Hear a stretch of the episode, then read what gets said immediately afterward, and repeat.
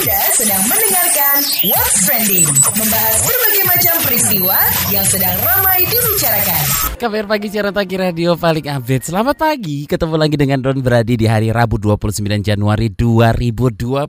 Apa kabar Anda hari ini? Mudah-mudahan semuanya dalam keadaan baik-baik saja seperti biasa. Doa yang sama selalu saya uh, panjatkan untuk kita semua ya.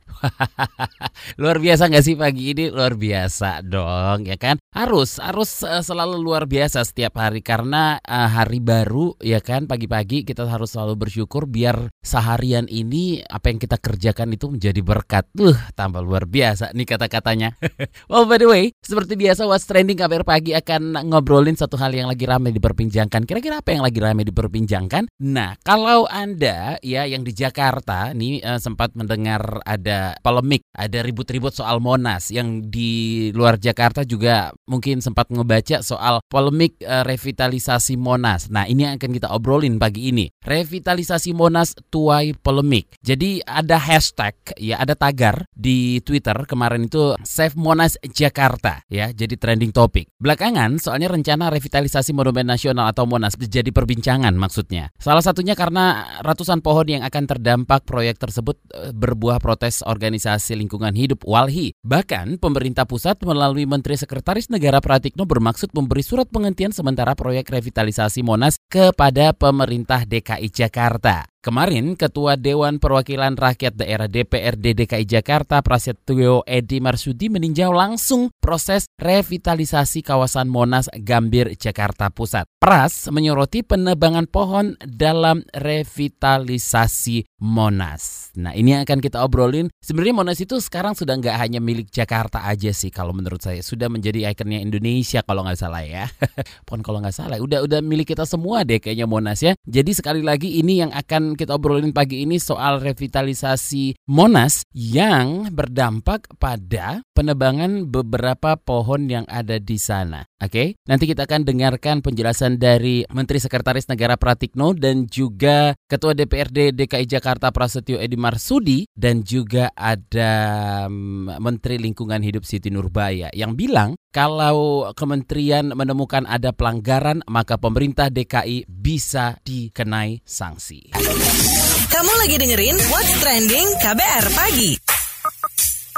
Masih bersama Don Brady di What's Trending KBR Pagi kita lanjutkan ngobrol soal revitalisasi Monas yang menuai polemik. Ya, jadi Menteri Sekretaris Negara Mensesnek Pratikno menyatakan akan mengundang rapat Gubernur DKI Jakarta Anies Baswedan bila surat izin soal proyek revitalisasi Monas telah dikirimkan kepada Komisi Pengarah. Kita dengar penuturan Sekretaris Negara Mensesnek Pratikno berikut ini. Terus terang memang kaitannya dengan revitalisasi proyek revitalisasi Monas itu kami tidak menerima surat. Jadi oleh karena itu beberapa hari yang lalu eh, Menteri Sekretaris Negara sudah menyampaikan surat kepada Gubernur DKI bahwa ini ada proses yang eh, tidak dipenuhi.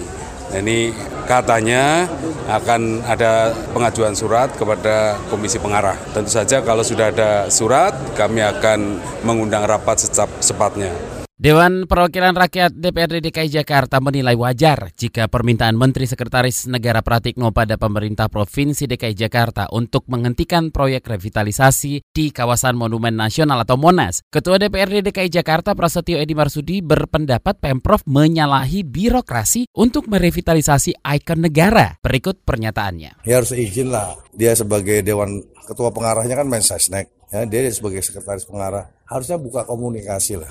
Kita ini pemerintah kan harus nyambung antara pemerintah pusat dengan pemerintah daerah gitu.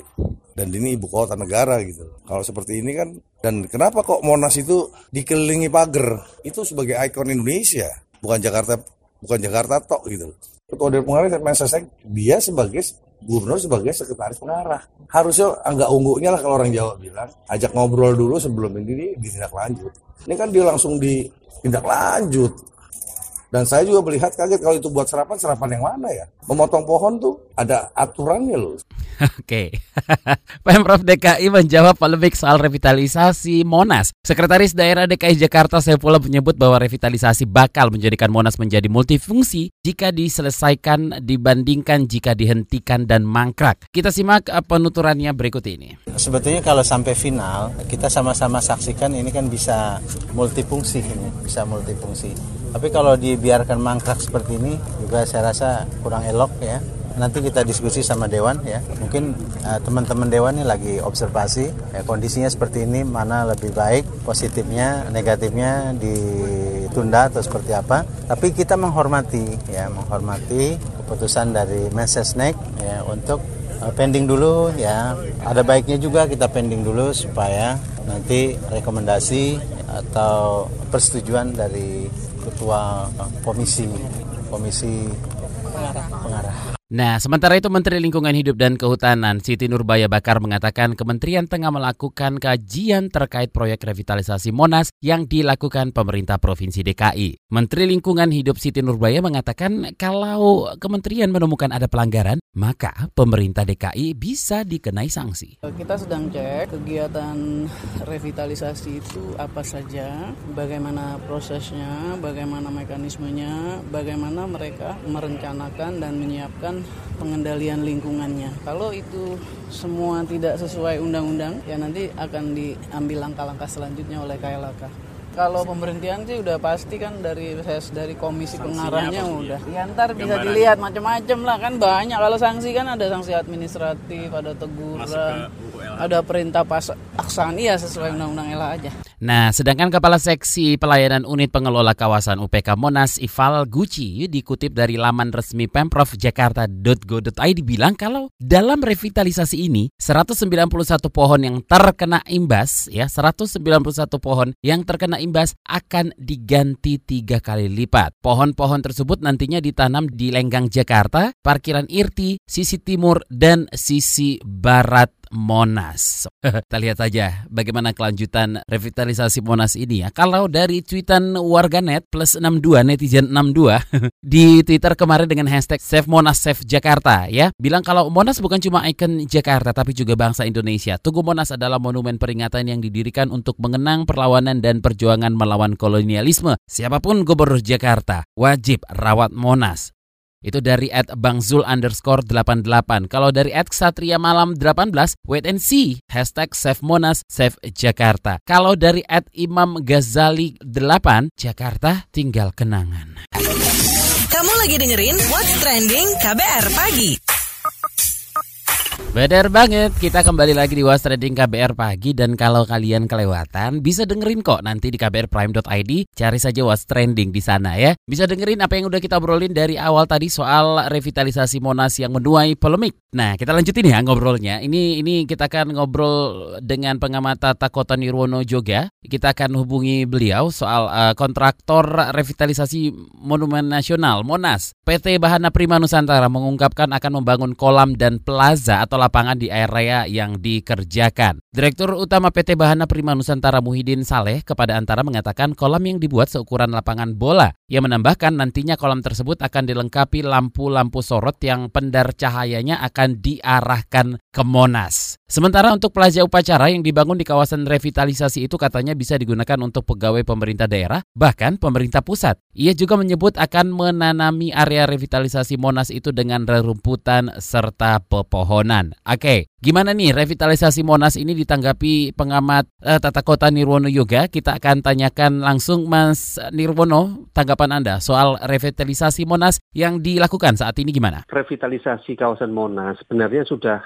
sering dilakukan oleh Pemprov DKI ya, mulai dari era Pak Sutioso dengan pemagaran, terus kemudian membuat kebun untuk rusa tutul, kemudian zamannya Pak Fauzi Bowo ada revitalisasi untuk perbaikan uh, air mancur menari, kemudian juga ada kebun untuk koleksi tanaman dari wilayah Nusantara. Terus kemudian juga zaman Pak Jokowi, kemudian dilanjutkan oleh Pak Ahok itu kan perkerasan yang tadinya aspal dirubah menjadi cobblestone supaya perkerasannya juga mampu menyerap air Artinya sebenarnya revitalisasi itu sudah sering dilakukan dan bisa dikatakan tidak pernah ada konflik antara pusat dan pemerintah DKI lebih dikarenakan hubungan yang baik dan komunikasi yang baik juga antara Pemprov DKI dengan pemerintah pusat. Nah, apa yang menjadi pemicu polemik langkah merevitalisasi saat ini, Mas? Satu, Januari awal kita baru saja banjir dan minggu-minggu kemarin juga sebenarnya masih banyak kawasan-kawasan yang tergenang banjir dan jangan lupa ini juga belum mencapai puncak musim hujan yang diperkirakan justru di bulan Februari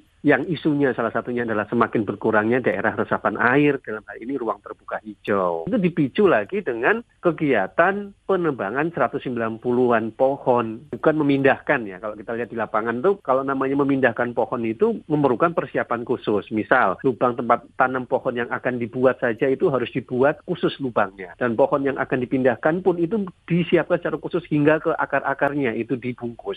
Jadi kalau itu dilakukan 190 lebih pohon itu dipindahkan itu bukan pekerjaan yang mudah dan pasti mahal ya. Nah, itulah yang kemudian menjadi jalan pintas kenapa yang dilakukan adalah penebangan. Tetapi cara memindahkan pohonnya saja itu sudah menyalahi aturan.